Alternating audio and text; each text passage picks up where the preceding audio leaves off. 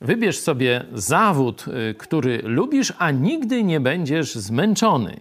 Konfucjusz. Taki e, właśnie transparent, taki napis wita studentów Politechniki Lubelskiej. Akurat tu widzicie w tle Wydział Mechaniczny tej Politechniki.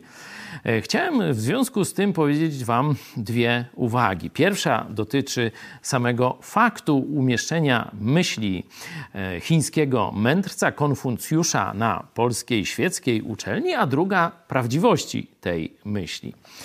E, wyobraźcie sobie, żeby jakieś słowa Jezusa Chrystusa, jakiś cytat z Biblii był na świeckiej uczelni. Oczywiście od razu byłby jakiś sprzeciw, byłby problem i tak dalej.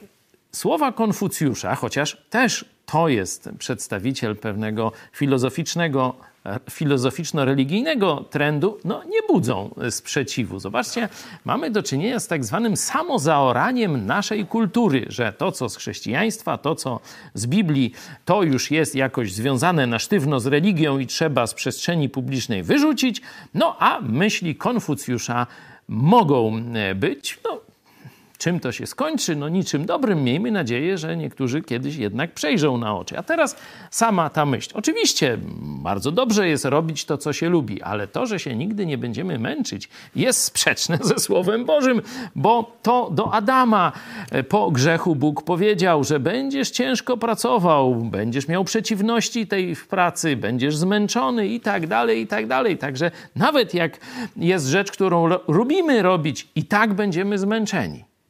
Ale Jezus dał sposób na zerwanie z tym.